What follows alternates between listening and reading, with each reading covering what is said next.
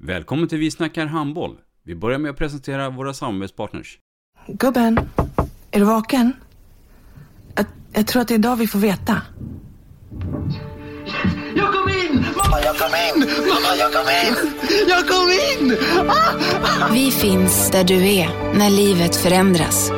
För alltid välkommen till Länsförsäkringar. Nej men, ska du ha t-shirt på dig? Du, det är ingen vanlig t-shirt. Det är en nya bollar till klubben t-shirt. Och så matchar den grillkryddorna vi ska använda. Hur då? Men det är ju alla ska med på klassresan grillkryddor.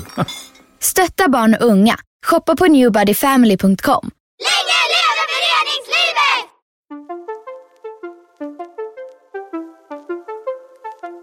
Välkommen säger vi till dig som lyssnar till den nya handbollspodden Vi snackar handboll med Robban Z och Dagge. Vi snackar handboll, där du får veta alla sanningar som du inte visste att du missat. Vi snackar handboll. Idag, när vi snackar handboll, så har vi en riktig handbollsnörd, Dagge.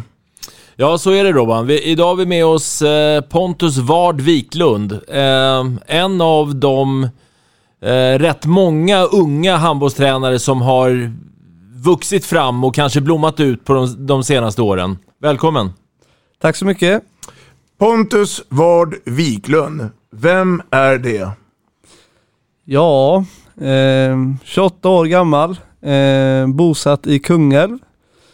Liten bit utanför Göteborg. Vissa tror att det är väldigt långt, men det är det inte. Eh, har sambo, eh, bor i lägenhet och eh, försöker lägga all min vakna tid på handboll. Mm.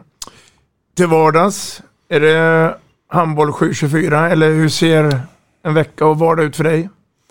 Jo, men handboll är det. Men eh, det är kanske inte bara handboll som jag vill, utan det är även lite kansliarbete och eh, sånt runt omkring för att eh, fylla upp en tjänst med bara handboll.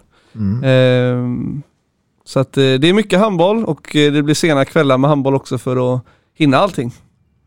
Vad, vad jag förstår så, så eh, är Kungälv din moderklubb. Eh, och det lär väl betyda att du också har en spelarkarriär där som åtminstone ungdomsspelare. Eh, berätta lite grann om, om spelar eh, den tiden, när du spelade själv. Oj, eh, ja, jag började spela handboll, jag höll på med massa olika idrotter.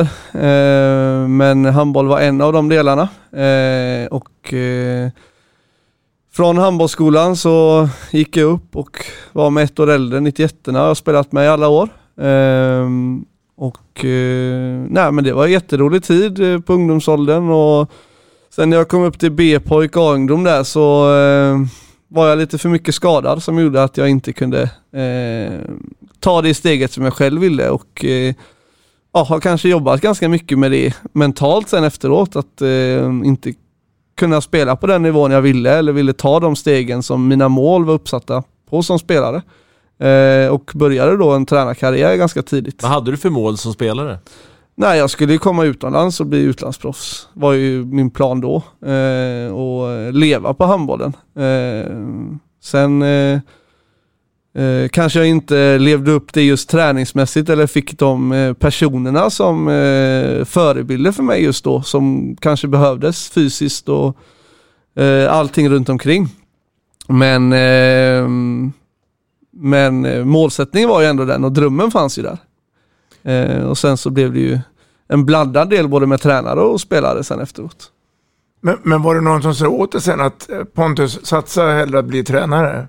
Eller var det ett eget val som du gjorde? Alltså det var ju folk som sa till mig sen efter jag hade hållit på, men eh, jag ville ju ändå inte ge upp drömmen till att fort, fortsätta spela.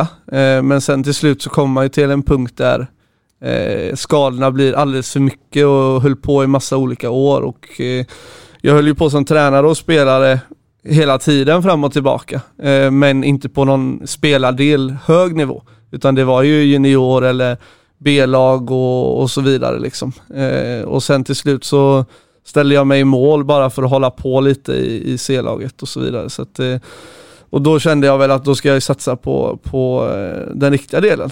Alltså den som jag satsar på nu då, tränardelen som jag faktiskt kan eh, ja, försöka eh, försörja mig på då, alltså inom handbollen och leva ut den drömmen som jag hade eh, som spelare eh, istället. Ja. Eh, du har ju eh, varit verksam i Kungälv både på herr och damsidan, men, men jag misstänker att du började med, med eh, några ungdomslag som de flesta tränare gör. Eh, nådde du några framgångar där?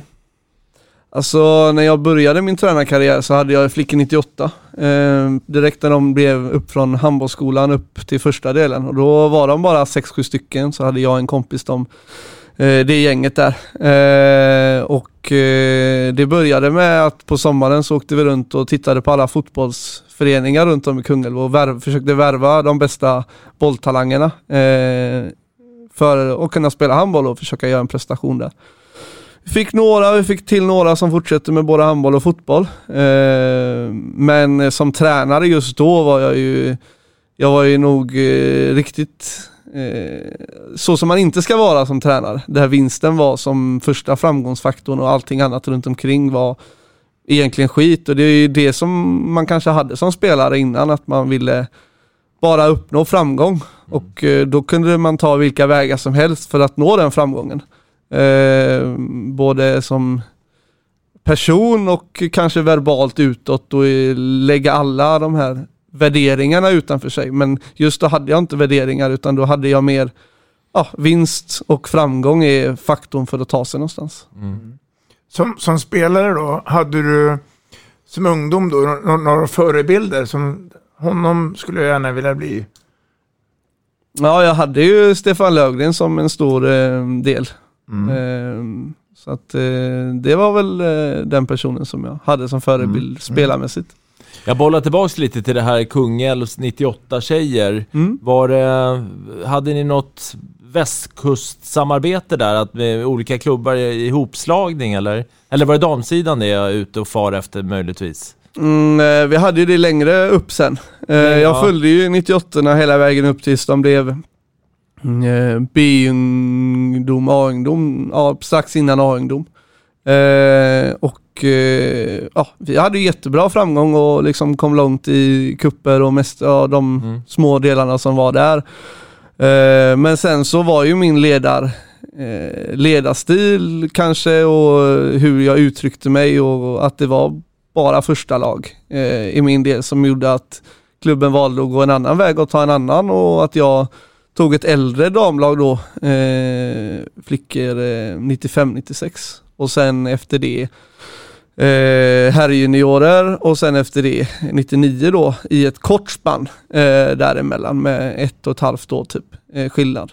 Och sen efter det så eh, kont- eller klubben kontrakterade ju Per då till eh, A-ungdom och eh, eh, han ville gärna, eller så som jag har hört det i alla fall, sen kan det ju vara andra delar, så ville han gärna att jag och han skulle jobba ihop. Han, vi har ju mötts innan eftersom att hans dotter är 98 och vi hade mycket konflikter där, eller konflikter men matcher emellan varandra. Mm. Och, eh, konflikter också? Kanske, kanske. eh, men, och då körde vi dem tillsammans. Eh, och började en resa med att göra ett, alltså ett flickprojekt mer eh, med A-ungdom och det skulle bara vara A-ungdomar från början. Och sen efter ett år med A-ungdomar så blev det lätt juniorer och så blev det direkt seniorlaget direkt på det. Så då drev ju jag och Per eh, tillsammans A-ungdom upp till seniorlag. Eh, och det var ju väldigt mycket ungdomar eh, och spelare som gjordes där. Och gjorde en stor gallring på seniorsidan och tog upp mycket av de här yngre spelarna och eh, ja, fick en bra utveckling och skapade en, eh, en struktur som skulle funka över tid. Kan man säga att det var där och då som resan startade för Kungälv Dam? Eh, eller vilken division var Kungälv i det här skedet? De var på väg att åka ur eh, division 1. Eh, ja. eh, men fick en extra plats där då. Och eh, låg i division 1 eh, året där innan vi tog över. Mm. Och sen så eh, gick vi upp division 1, sen till allsvenskan. Eh, så kom vi ju tvåa första året och kvalade mot Skara. Och sen lämnade ju Per då, och så var det jag som skulle ta över. Eh, och då vann vi allsvenskan året efter det. och sen fick jag två år i SOE eh, och båda slutspel där så att eh, vi gjorde en väldigt fin del med de individerna som var där och det var inte kanske de bästa handbollsspelarna alltid men vi hade ett bra gäng och de hållde sig till rätt Ja, det är lite eh, imponerande. till rätt linjer Ja. och eh, de har varit med hela vägen och det finns några riktiga kulturbärare som också var viktig i den här eh, delen. Mm. För jag, jag känner ju lite, lite som utomstående betraktare sådär att det är, det är svårare att etablera, äh, etablera ett damlag eh, i elitserien än vad det är på herrsidan. För att skillnaden är så enormt stora mellan de bästa lagen och de sämre lagen. Och liksom det är så stora differenser så att så jag känner att, jag är lite imponerad över Kungälv just att man har eh, från år ett igen, klar, liksom går till slutspel och klarar av att etablera sig. Eh, så det är bra jobbat. Mm. Om, om, eh, om vi backar lite grann där och eh, går tillbaka till din eh, tränarkarriär där. När, för då, då gick du ju de här klassiska steg 1 och steg 2 utbildningarna. Um, och det, den resan ni gör sen då med eh, Kungens damer, hade ni fiender, motståndare också då, internt i föreningen?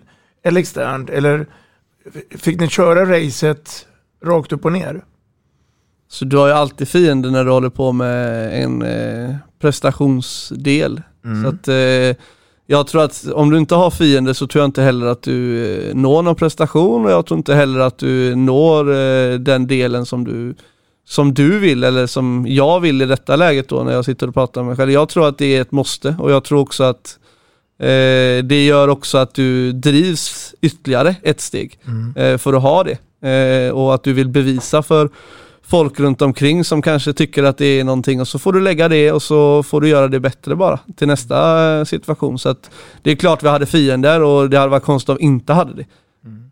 Är det, då vill jag skjuta in där lite, du, du nämner or- ordet fi, fiender sådär, lite ovanligt egentligen. Eh, är det fiender för dig 24-7 eller är det under liksom själva eh, ögonblicket när man spelar match liksom?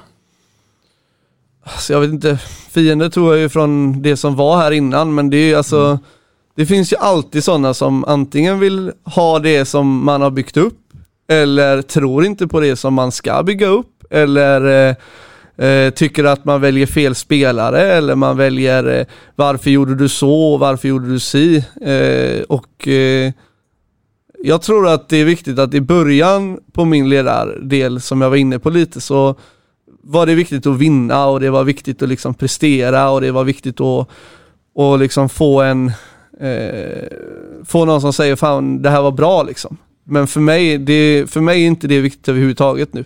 Eh, utan det viktigaste för mig är att de som jag jobbar med eh, förstår det vi håller på med eh, och att de blir det som respekterade i det vi håller på med. Och sen kan folk säga vad som helst runt omkring men att de personerna som är runt omkring mig ska ha rätt förutsättningar för att kunna göra det som de behöver för att prestera. Och det är en viktig del för mig eh, just nu som ledare Mm. och som jag bygger eh, stort del av mitt ledarskap nu att, att eh, du kommer inte kunna prestera om inte vi backar varandra i alla lägen. Du nämnde ju Per, och då lägger vi till Johansson, den mångåriga ledaren. Många, tror jag, ändå tycker att det finns en likhet, kopia med hans ledarskap och ditt ledarskap. Stämmer det? Ja men det är klart, alltså jag och Per jobbade, ja vad kan man säga, 24-7 under två, tre år tillsammans. Eh, så det skulle varit konstigt om jag inte eh, var nära eh, eller liknar eh, delar kring det. Vi, på dagarna satt vi och pratade taktik och handboll och allt vad det innefattar och eh, på kvällarna så utövade det på en grupp. Eh, så att eh, det skulle vara väldigt märkligt om jag inte är eh, lik eh, Per. Eh, men jag tror också att jag har också tagit mycket från olika delar. Eh, och jag tror också att jag och Pers ledarstil från början var ganska lika med att vi båda är väldigt engagerade. Eh, vi tycker, eller båda använder mycket kroppsspråk och eh, det runt omkring. Så jag tror också att det faller också in i en, i en, eh, en sån del. Och alla de som har varit runt omkring mig har varit ganska impulsiva och eh, energirika ledare och för mig är det, för mig är det, om man ska säga facit då, men alltså för mig är det att man för att få ut extra så ska du vara engagerad själv och vara den som, som en spelare i slutändan. Så ja på den frågan. Jag känner lite med det här med identiteter. Eh, väldigt många eh, pratar ju om Pers lärjungar och lärjunge, du i det här fallet då. då. Känns det viktigt för dig att ändå, eh, trots den förebild som Per är till dig, att du skaffar en egen identitet? Jo, men det är väl alltid viktigt. Eh, och sen eh, är det väl lite då på, om vi pratade med fiender, om de tycker att jag är lik Hanna, men då får de väl tycka det då. Eh, men för mig tycker jag att vissa delar kör jag fullt efter den linje som vi hade tillsammans och vissa delar kör vi inte alls efter de delarna. Eh, så att eh, utåt sett kanske det upplevs som det, men jag tror att går man ner och bantar ner allting så tror jag att det skiljer sig en, en del på vissa saker. Mm. Eh, ja, så kan man väl Mm. eh, tillägga det. Så att, och det är lite som jag pratade om innan, att min identitet har ju mer växt fram. Alltså för mig har det varit viktigt eh, att hitta mig själv utifrån och gå från spelare till ledare först och främst. Och den aggressionen eller delen att jag inte blev det jag blev och sen så försöka få ut det till att bli tränare istället och sen från tränare till, eh, till där jag är nu. Det har också varit en, en stor eh, resa. Mm. Du återkommer ju ständigt till det här, framförallt kanske i de, de första stapplande stegen som tränare, att hur viktigt det är att vinna. Och, och jag menar, jag, vet, jag tror nog att det är viktigt att vinna för dig, precis som för alla andra fortfarande. Eh, då vill jag knyta an lite grann till de här nya PK-rönen inom svensk idrott, där man inte ska tävla och man, man, eh, det är fult att vinna. Eh, nu tänker jag på de Ja. tidiga åren sådär. Mm. Vad, vad känner du runt det? Jag tycker det är helt fel. Vi håller på med en idrott för att vi, och liksom tävla och då ska vi tävla på alla delar. Sen eh, finns det sådana ledare som när jag var när jag var yngre och eh, där behöver vi liksom fixa ordning det på ett annat sätt. Och eh, min största del är att jag tycker att eh, de delegaterna som är på eh, seniormatcher, sätt dem på ungdomsmatcherna istället. Jag tror att det kan göra eh, mycket, mycket mer för svensk handboll än vad, än vad man tror. Hur tänker du då? Nej men att de är där på ungdomsmatcherna och utvärderar liksom ungdomstränarna. Och domarna också för den delen och ger dem den uppbackningen och alltså att det blir en familjedel på de här. Alltså när jag var yngre och jag inte spelade match så satt jag i den hallen från morgon till kväll och någon gång kanske jag spelade någon match eh, däremellan eh, och tittade på de här matcherna. Eh, och just nu så tycker jag det är knappt, så det är lite föräldrar men man sätter sig i bilen direkt efter matchen är färdig och så ska man åka iväg med sitt barn. Eh, och jag tror att den arenan måste vi bli bättre på om vi ska utveckla svensk eh, handboll. Och just, ja, det behöver inte vara delegater just, men alltså för i en samma synpunkt att de pratar med ledare och de kan skicka till eh, föreningen att vi tycker inte att det här är agerandet till rest. Nu satt Stina 60 minuter och inte fick spela den här matchen. Eller vad det nu än kan vara. Och det kan ju vara att man beter sig dåligt till tränare eller vad det är nu. Men hade jag fått den uppbackningen och den hjälpen tidigare så tror jag också att eh, jag hade blivit bättre som tränare. Eh, jag snöar in lite på det här med, med eh, huruvida det är fult att vinna eller inte i ungdomsåren. Nu, nu eh, går ju utvecklingen i hela samhället och hela idrottsrörelsen om att man eh, inte ska få tävla. Eh, och även i handboll. Eh, tror du att det kommer få negativa konsekvenser, inte nästa år utan på sikt? På längre sikt? Att vi får fram handbollsspelande ungdomar som, som inte har fått tävla i tidig ålder? Alltså det är jättesvårt att säga. jag undrar vad du tror. Ja, jag tror, men det är, jag tycker den är jätte, jättesvår. Men utifrån min synpunkt så tycker jag att vi borde kunna hantera det på ett bättre sätt än att ta bort resultat. Eh, jag tycker att det ligger på eh, utvecklingen i samhället i stort. Eh, det jag pratar om det är alltså det som var förr, om jag får säga det som är ung. Men eh, man är och pratar med killarna i omklädningsrummet och man eh, det är inte så mycket föräldrar runt omkring och det är inte så mycket bråttom till allting runt, alltså, och det är liksom, jag tycker att det har blivit en stress kring allting och att man ska förändra så mycket med en gång mer än att man ska använda det som har varit och försöka se vad, vad, vad som är negativt. Och i detta fallet negativt tycker jag att man ska kunna vinna, och man ska kunna vinna på rätt sätt. Mm. Mm. Luddigt sagt men ja. eh, svårt att förklara det på ett bättre sätt. Om vi stoppar där lite grann med eh, den delen och vi kommer komma tillbaka lite senare. Men jag tänkte, jag är lite nyfiken att höra om Kungälv HK. Mm. Berätta lite grann om, om eh, föreningen. Hur mår den idag? Ja, det är ju svårt att säga nu med coronan har varit. Vi har varit permitterade från mars förra året. Eh, och det är lite svårt att säga, men jag tycker ändå att vi eh, är en ganska mm, ja, bra förening för att vara på den nivån vi är. Eh, såklart, om vi ska ta steg upp med herrarna så krävs det mycket mer ekonomi eh, än vad det är när damerna ligger där. Det krävs lite till. Men jag tycker ändå att vi har en eh, okej okay, eh, sektion på helhetsmässan. Jag tycker att vår ungdomssektion bör bli bättre med de förutsättningarna vi har. Eh, jag tycker vi borde bli bättre där eh, på ungdomssidan mm. än vad vi var förr. Eh, har det att göra med konkurrensen i Göteborg i stort? Att det är liksom, är ju ändå Solsidan för handboll egentligen, eh, västkusten. Och det finns många föreningar eh, som tävlar mot Kungälv. Det kan säkert vara det, men eh, jag tycker att eh, vi har gått från eh, ledare som ideella till att ledare ska ha betalt och eh, där hänger vi inte riktigt med. Eh, och då får vi inte heller de bästa tränarna till ungdomslagen. Eh, det tror jag är den största eh, faktorn att vi inte riktigt hänger med och vi har inte anställda som jobbar med ungdomssidan så mycket som vi gjorde förr.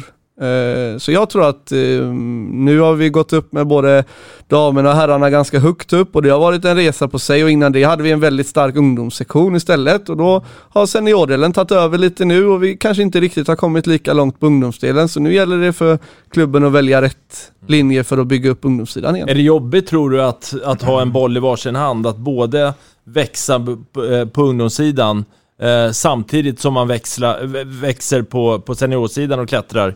I hierarkin? Jag tror allting handlar om organisation.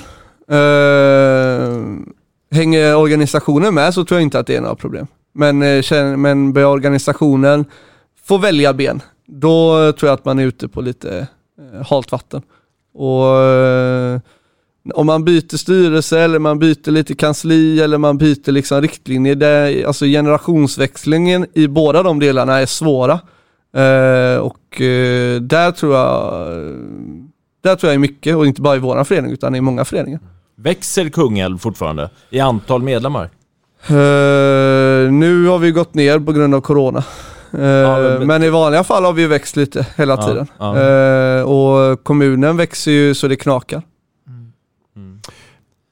Ja, jag skulle vilja skjuta in en sista, en sista grej där med, med, med Kungälv och i och med att ni är så pass förhållandevis högt upp eh, med både herr och dam eh, i seriesystemet. Eh, är Kungälv en jämlik förening? Att lika mycket resurser går till respektive sida? Så det har ju varit en damförening hela tiden. Eh, hela tiden sedan jag har varit där har det varit en damförening. Eh, men eh, pengamässigt i seniorlagen är det ju samma och till ungdomssidan är det också samma, alltså rent, men eh, vi får ju, vi får ju, det är ju en tjejförening så kan man väl säga. Vi har ju minst 65% på flicksidan, på ungdomssidan, för vi har mycket större konkurrens på herrsidan. Det är hockey och det är bandy och det är fotboll och det finns jättemycket. Men på damsidan är det ju handboll som är så mycket större än någonting annat. Känns, känns det som att jobba lite motvind i, att vara tränare i en herrklubb i en damförening? Nej, jag tycker inte det nu. Eh, för nu har vi byggt upp någonting här. Jag och den som är sport, sport, sportchef, Kristoffer, har byggt någonting här nu och han är ju väldigt driven också i detta. Så att eh, just nu känns det inte som det. Men när jag var på flicksidan så kändes det som att vi fick lite mer på damsidan än vad, än vad herrarna fick i vissa delar. Dagge, vi pratar ju du och jag rätt ofta om eh, klubbar som har en bra intäktskälla. Bland Ja. annat turneringar. Mm. Tänker vi på samma sak nu? Ja men då tänker vi väl på Bohus Cup va? Mm. Eh, en turnering som både du och jag har spelat i Robban. Stämmer det? I en svunnen tid i och för sig. Ja, och gått Eh, långt också med ja. lilla Rosersberg. Ja. Men Pontus, eh, det är ju så om vi ska koppla ihop det här, att, att det är ju en, en bra intäktsmöjlighet och en, också ett äventyr att utveckla sporten Mm. i den här regionen. Eh, hur stora kan Bohus Cup bli på sikt tror du? Så den är ju stor nu. Eh, jag skulle vilja säga att den är eh, väldigt stor just nu. Det är ju 600 lag som är, som är med i kuppen. Går det att trycka in flera? Det är klart att det går.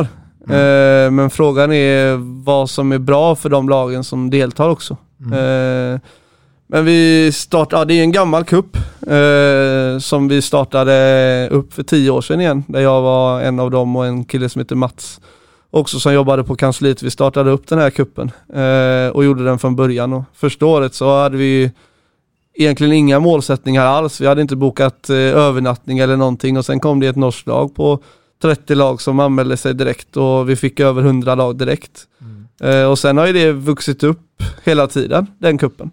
Eh, men svaret på om den kan bli större, det är klart att den kan bli större men frågan är om eh, deltagarna får samma upplevelse om den blir för stor. Mm. Och den ligger ju i maj. Mm.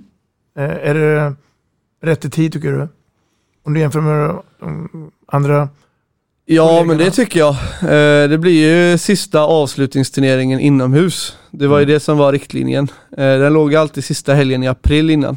Eh, men sen så var det en massa andra föreningar i, i Stockholms stad som också ville ha kupper då. Eller Stockholms stad, Göteborgs stad. Och då fick vi flytta den en helg. Spelas den bara i Kungälv kommun? Nej, Kungälv, Göteborg, Ale. Okej. Lite i Partille nu också har vi kommit ut till. Hur många sporthallar används? 40-42 ungefär.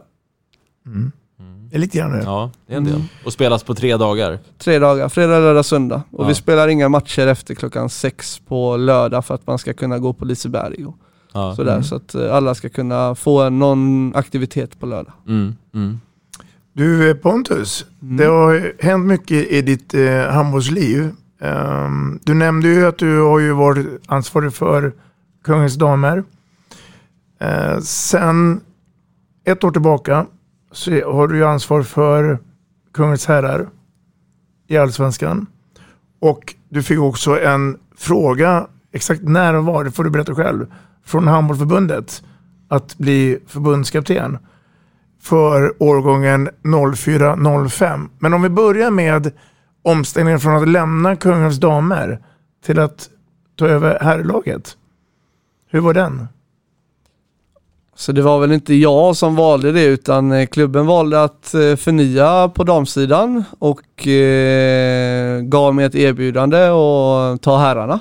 Eh, och då var ju Kristoffer som jag nämnde här innan sportchef eh, på herrsidan och eh, jag hade inget erbjudande på någonting heller eh, runt omkring. Så att då eh, för att kunna hålla på med handboll heltid med både kansli då och handboll så eh, valde jag att tacka ja till det och säkra upp det och eh, jag tycker att det har varit grymt kul det året som jag har hållit på här nu även om man har fått pinne i näsan varje match. Men eh, så har det varit väldigt bra år för mig och utbildande eh, och gå från dam till herr. För det är, det är mycket, allting går fortare och eh, spelarna kanske inte ställer högre krav men du måste vara mer eh, liksom på det på ett annat sätt.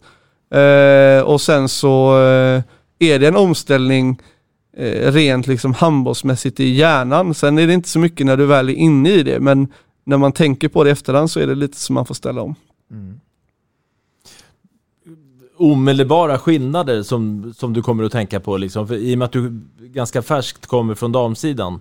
Eh, Alltså vad, vad säger du då? Fart och kraft är ju en solklar, den behöver man väl kanske inte ens diskutera i detta. Eh, sen är det ju att i damhandboll så kan du eh, sätta ett spel eller lägga en taktik på att vi utsätter den spelaren konstant hela matchen och så brukar det oftast fungera eh, liksom på att man får ut någonting utav det. Medan herrhandboll är ju väldigt sällan du vinner den duellen alltid. Du kan ju få ett övertag men sen måste du ha en tanke och en spelfull efter det.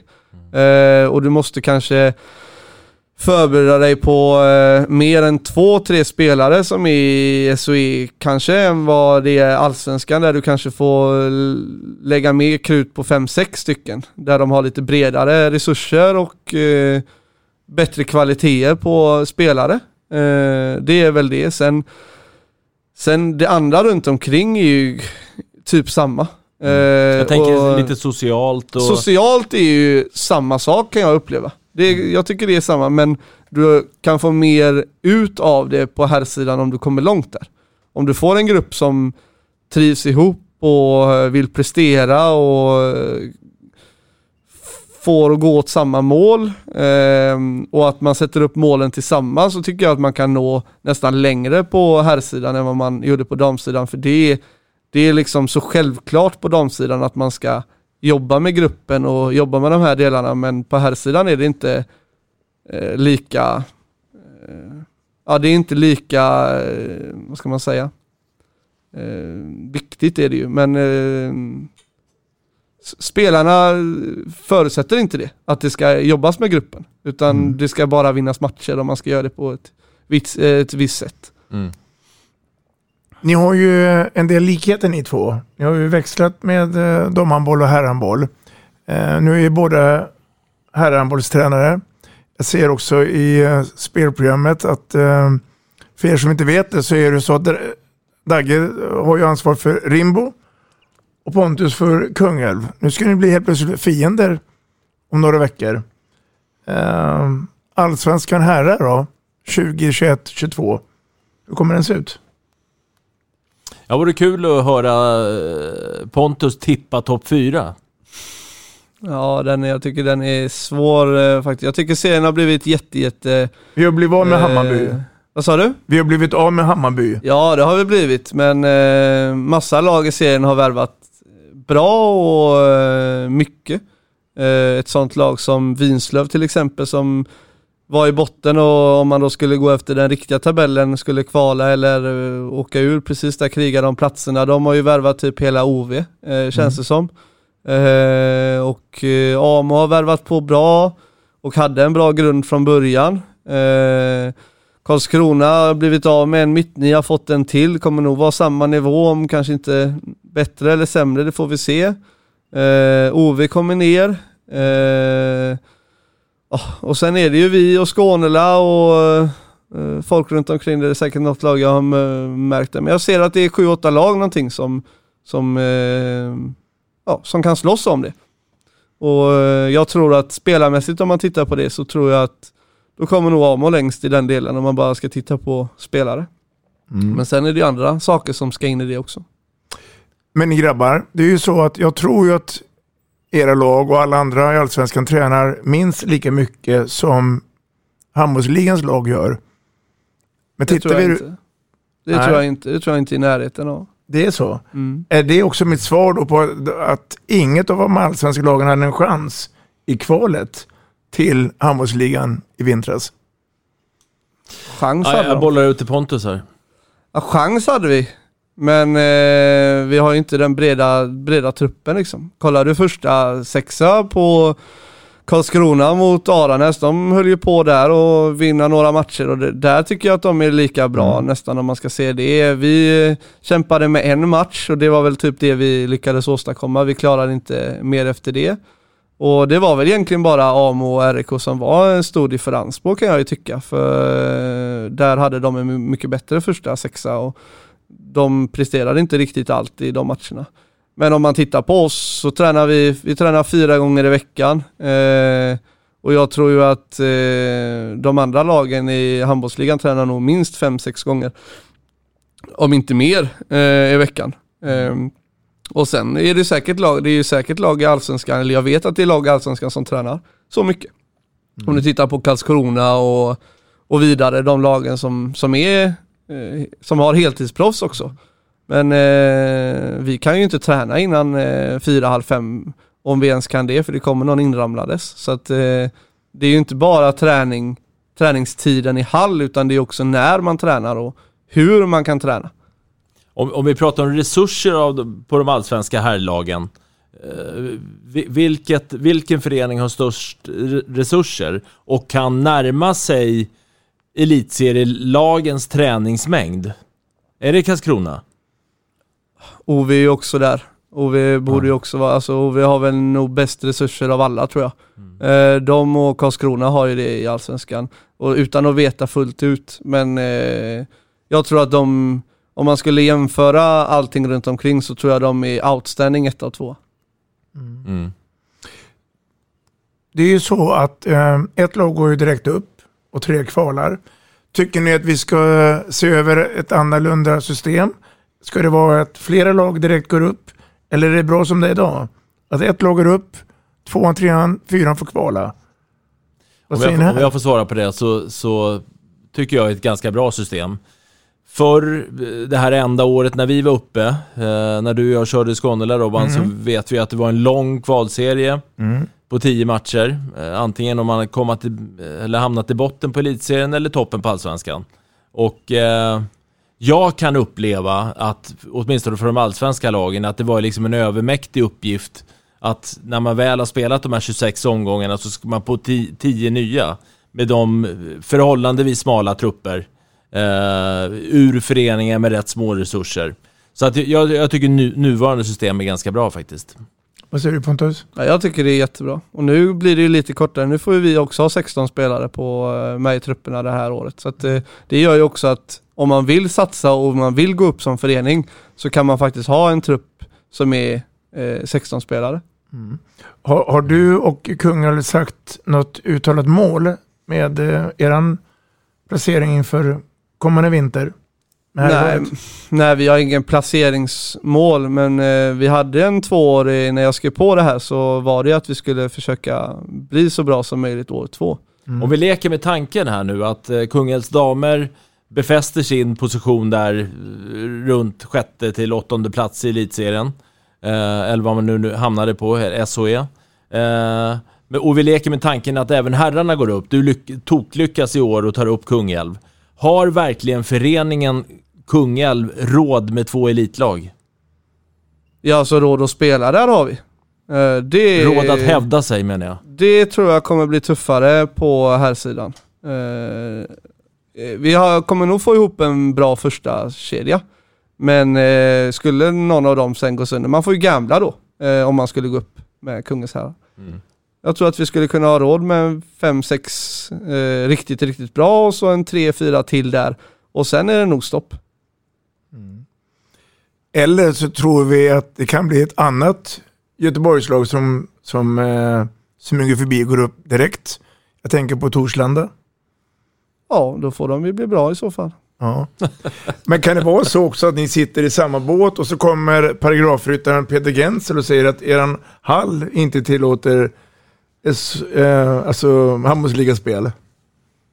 Ja, men vi har ju det för SOE så det är svårt att säga att vi inte skulle få det för eh, handbollsligan heller. Vi kan ta in läktare på andra sidan och så. så att, eh, skulle vi gå upp så kommer vi ta den platsen. Eh, och eh, skulle vi göra en sån prestation så då är vi jättenöjda med det såklart. Men eh, vi har eh, massa andra hinder på, eh, på vägen eh, förrän vi ska kunna nå handbollsligan. Mm. Lite mediestatus här då. Kan herrallsvenskan bli som fotbollens superetta? Med eh, intäkter från tv och hela den här... Eller, vi, eller är vi fortfarande en bit ifrån fotbollen? Vad säger ni?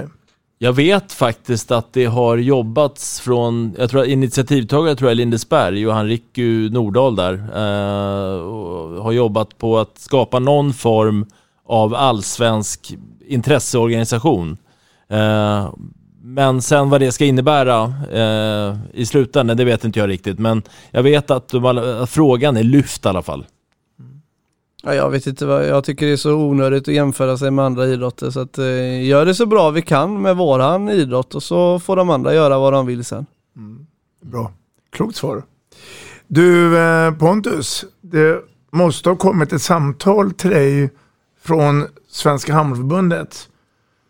Någon, får du bli- avslöja själv då, som frågade eh, vill du bli förbundskapten för Sveriges U17-damer? Hur gick det till? Ja, eh, när det var, jag tror det var i december någon gång. Eh, när jag hade damerna i SOE. Det var väl ett och ett halvt, två år sedan nu typ. Tjolle ringde och frågade om jag var intresserad eh, av att ha U-landslaget på damsidan. Och på den vägen är det. Sen har vi ju knappt fått ha någon verksamhet så det, man känns ju inte som att man är förbundskapten men eh, nu börjar det ju bli någonting här, det här är delen. Och, eh, det har varit väldigt mycket telefonsamtal liksom. Det är det som har varit förbundskapten för mig eh, hittills. Be- berätta hur då? Hur- då? Nej men för att hålla koll på spelarna. De har inte fått spela och de har inte fått spela matcher och de har inte fått träna och de har inte fått göra någonting nästan. Vi Ja. såg dem på Sverigecupen. 04 och 05 vet jag inte ens om de finns känns det som. Eh, så att det har ju varit ett... Eh, det man tackar ja till och var väldigt entusiastisk har ju blivit lite blasé detta. Mm. Det är inte så att man tycker det är roligt, det är inte det jag säger, men eh, jag har alltid varit för förbundskaptener som inte haft koll på spelare och, och liksom det här och nu känns det som att jag sitter i precis det som jag eh, har ratat innan och eh, det mår inte jag bra utav. Hur, hur ser din organisation ut när det gäller ledarsidan? Ja, vi har ju massa ledare som är på riksläger och så, men om vi Mm. åker iväg på mästerskap så eh, har jag med mig Linus Ekman som assisterande. Mm. Eh, Jenny Alm, eh, Allt i allo eh, Mm. och eh, Ölund eh, på målvaktssidan, han som har 02 också och även en som heter Ubbe som också har varit med på målvaktssidan. Och sen har vi eh, ingen fast eh, sjukgymnast men nu kommer vi åka med Ans Hafgarden som är med på. Mm. Ro- Robban använde ju ord, uttrycket handbollsnörd på dig eh, här tidigt i programmet.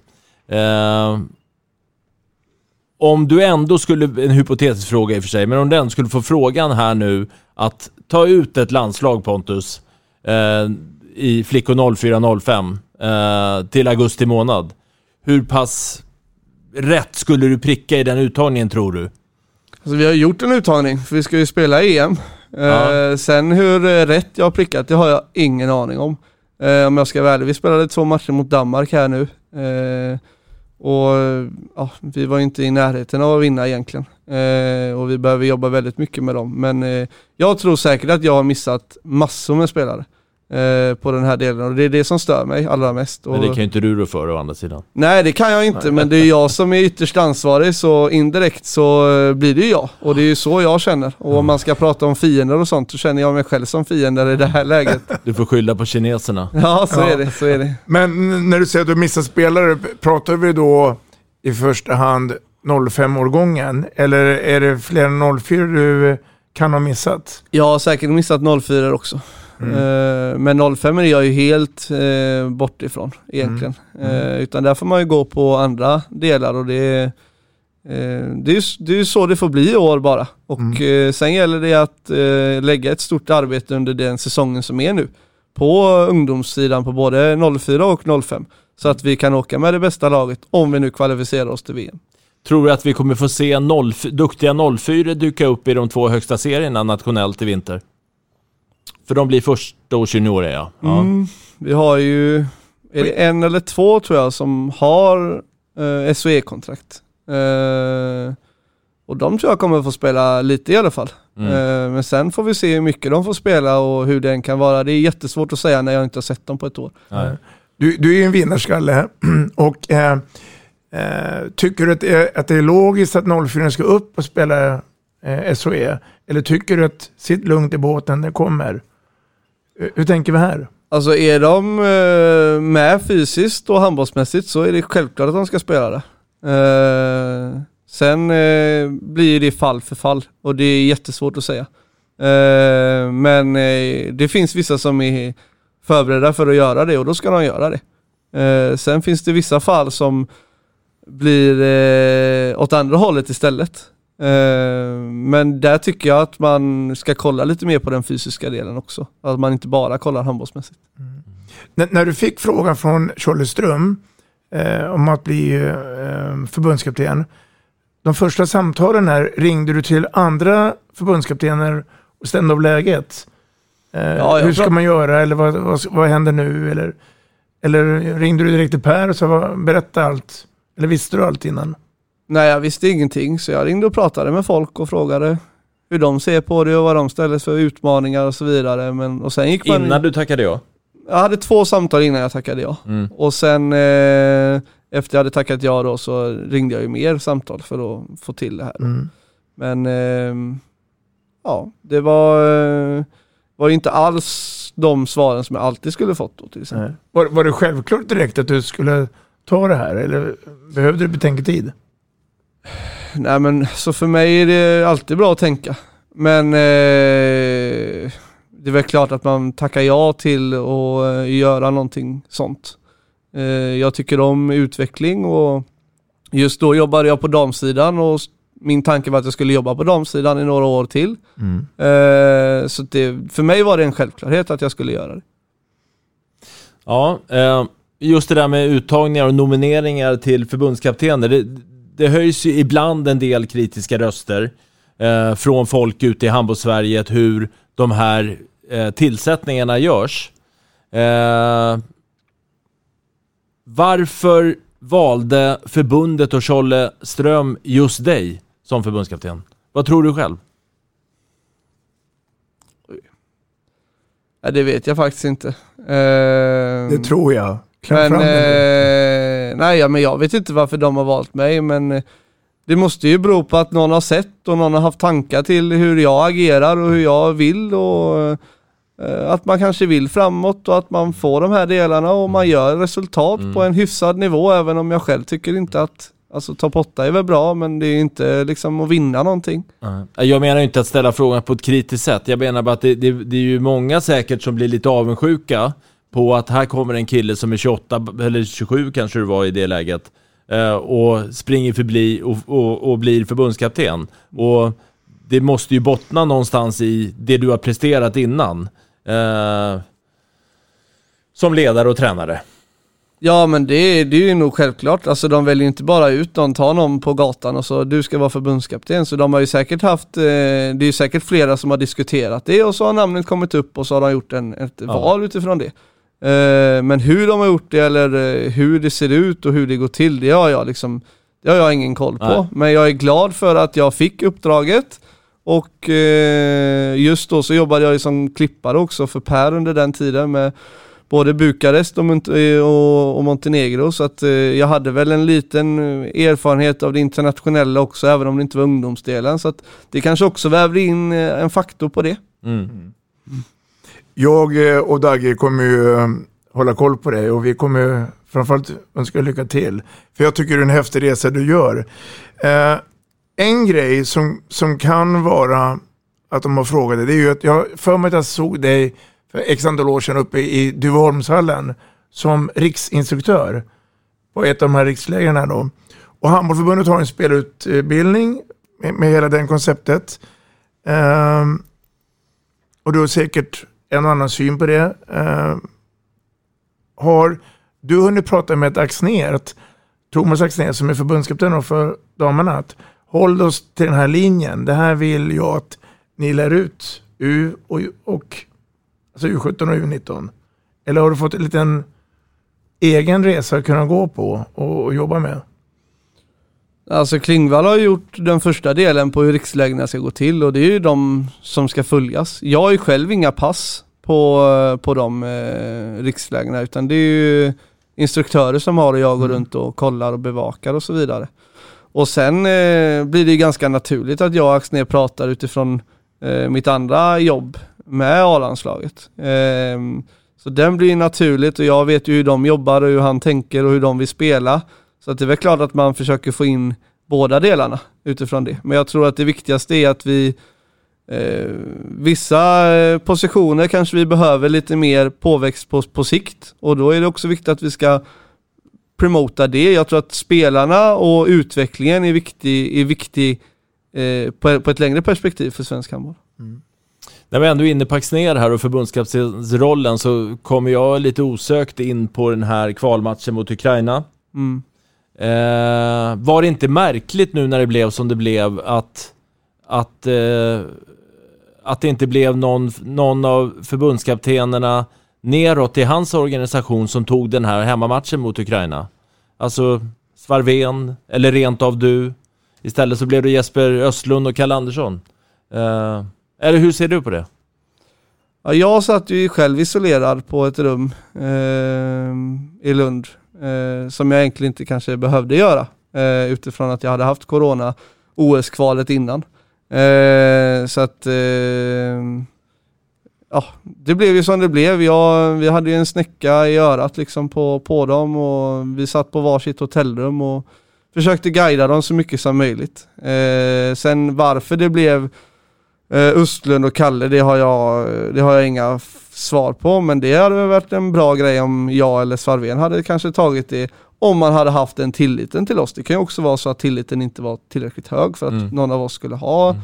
den platsen. Men jag var ju utifrån den delen, för jag var ju redan med landslaget i Ukraina och hade varit med laget hela vägen så, mm. och satt isolerad på hotellrummet. Mm. Ja.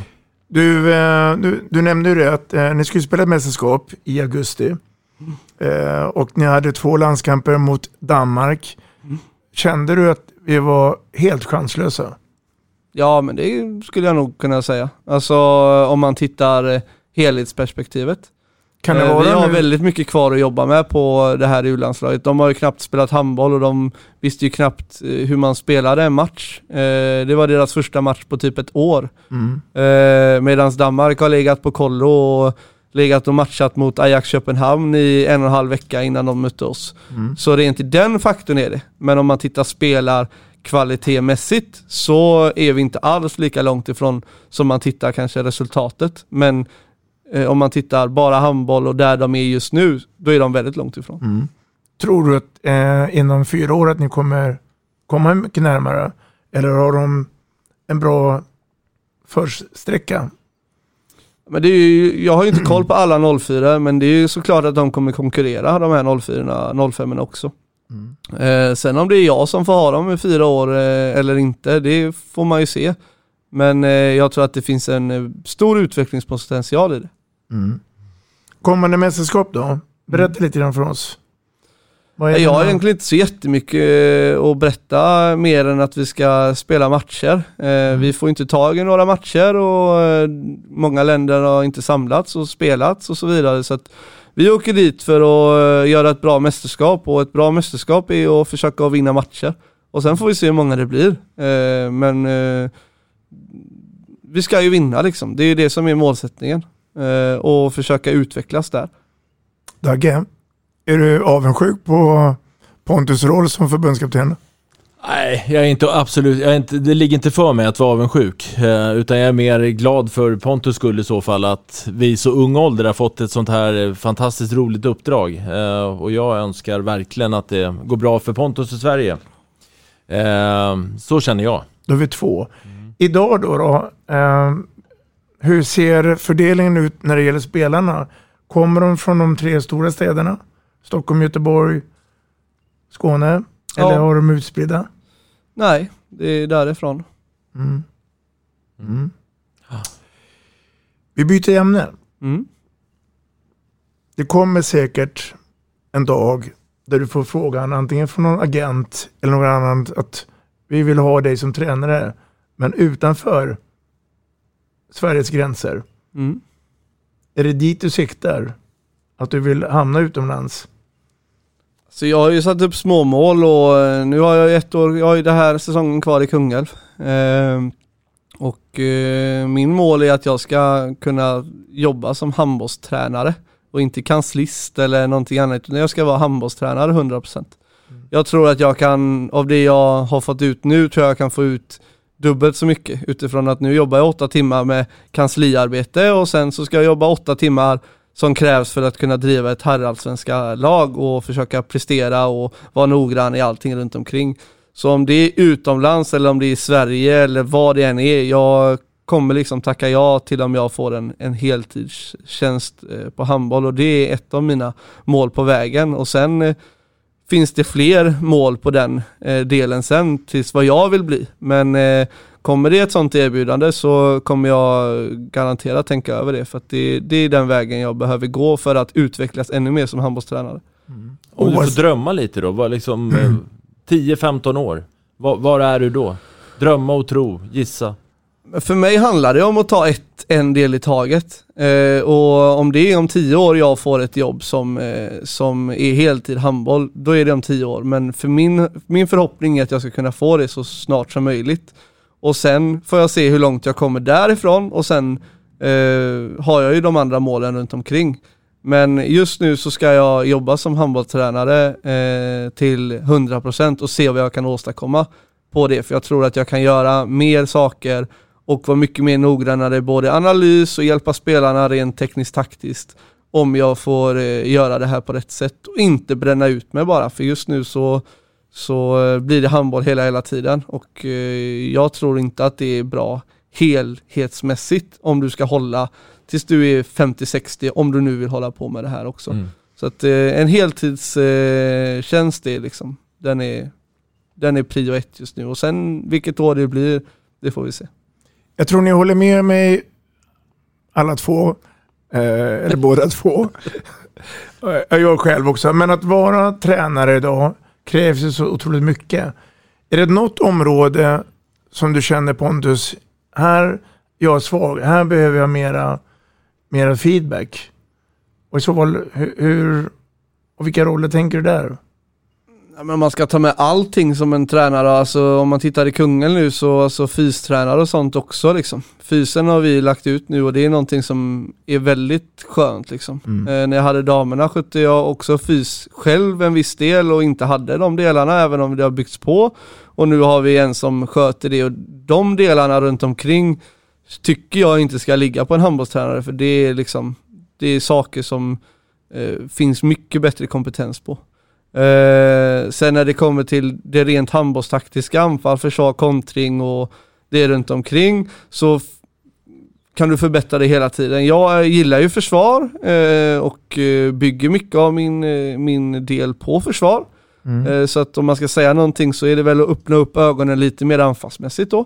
Mm. Eh, och sen så tycker jag att jag har blivit mycket bättre på att eh, kommunicera och jobba med gruppen och eh, få, eh, få det att fungera och att alla på något sätt, även om man kanske inte spelar eller får till de delarna så har man ändå en utveckling under året och känner att man blir bättre. Eh, och eh, har liksom gått utbildningar för att kunna bli bättre på den, eh, den delen. Och det känner jag att det är en stor del av, av att vara handbollstränare och förstå människan och begripa helheten. Det kan ju vara att man har en bokstavskombination men det kan också vara att man har det jobbigt hemma. Alltså det kan ju vara vad som helst. Och den eh, faktorn att känna av det och ha den spetsegenskapen tror jag är minst lika viktig som att eh, veta hur man ska genomföra en jugge eller en rundgång. Pontus Ward Wiklund. Tiden har runnit ut från oss. Ja, tråkigt. Ja, tack så mycket eh, för eh, Vi snackar handboll med dig. Ja, tack så jättemycket. Intressant. Det ska bli intressant att följa din fortsatta resa här. Både eh, med Kungälv, eh, som ändå får gälla som en av favoriterna i herrallsvenskan, och framförallt med det här ungdomslandslaget. Så stort lycka till och tack för idag. Tack så mycket. Tack.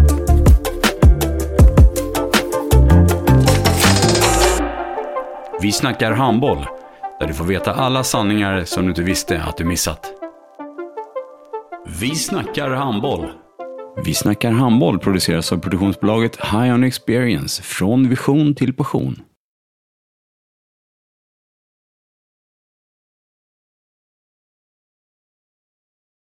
Ett avslutande tack till våra samarbetspartners. Hallå! Ja, ja. Har du sett mina ankelsockar? De här? Nej, nej, jag menar skridskoslip till juniorlaget Ankelsockarna. Ja, men kolla bredvid träningsläger med handbollstjejerna-t-shirtarna. Stötta barn och unga. Shoppa på newbodyfamily.com. Länge leve föreningslivet! Gubben, är du vaken? Jag, jag tror att det är idag vi får veta. In! Mamma, jag kom in! Mamma, jag kom in! Jag kom in! Ah! Vi finns där du är när livet förändras. För alltid, Välkommen till Länsförsäkringar.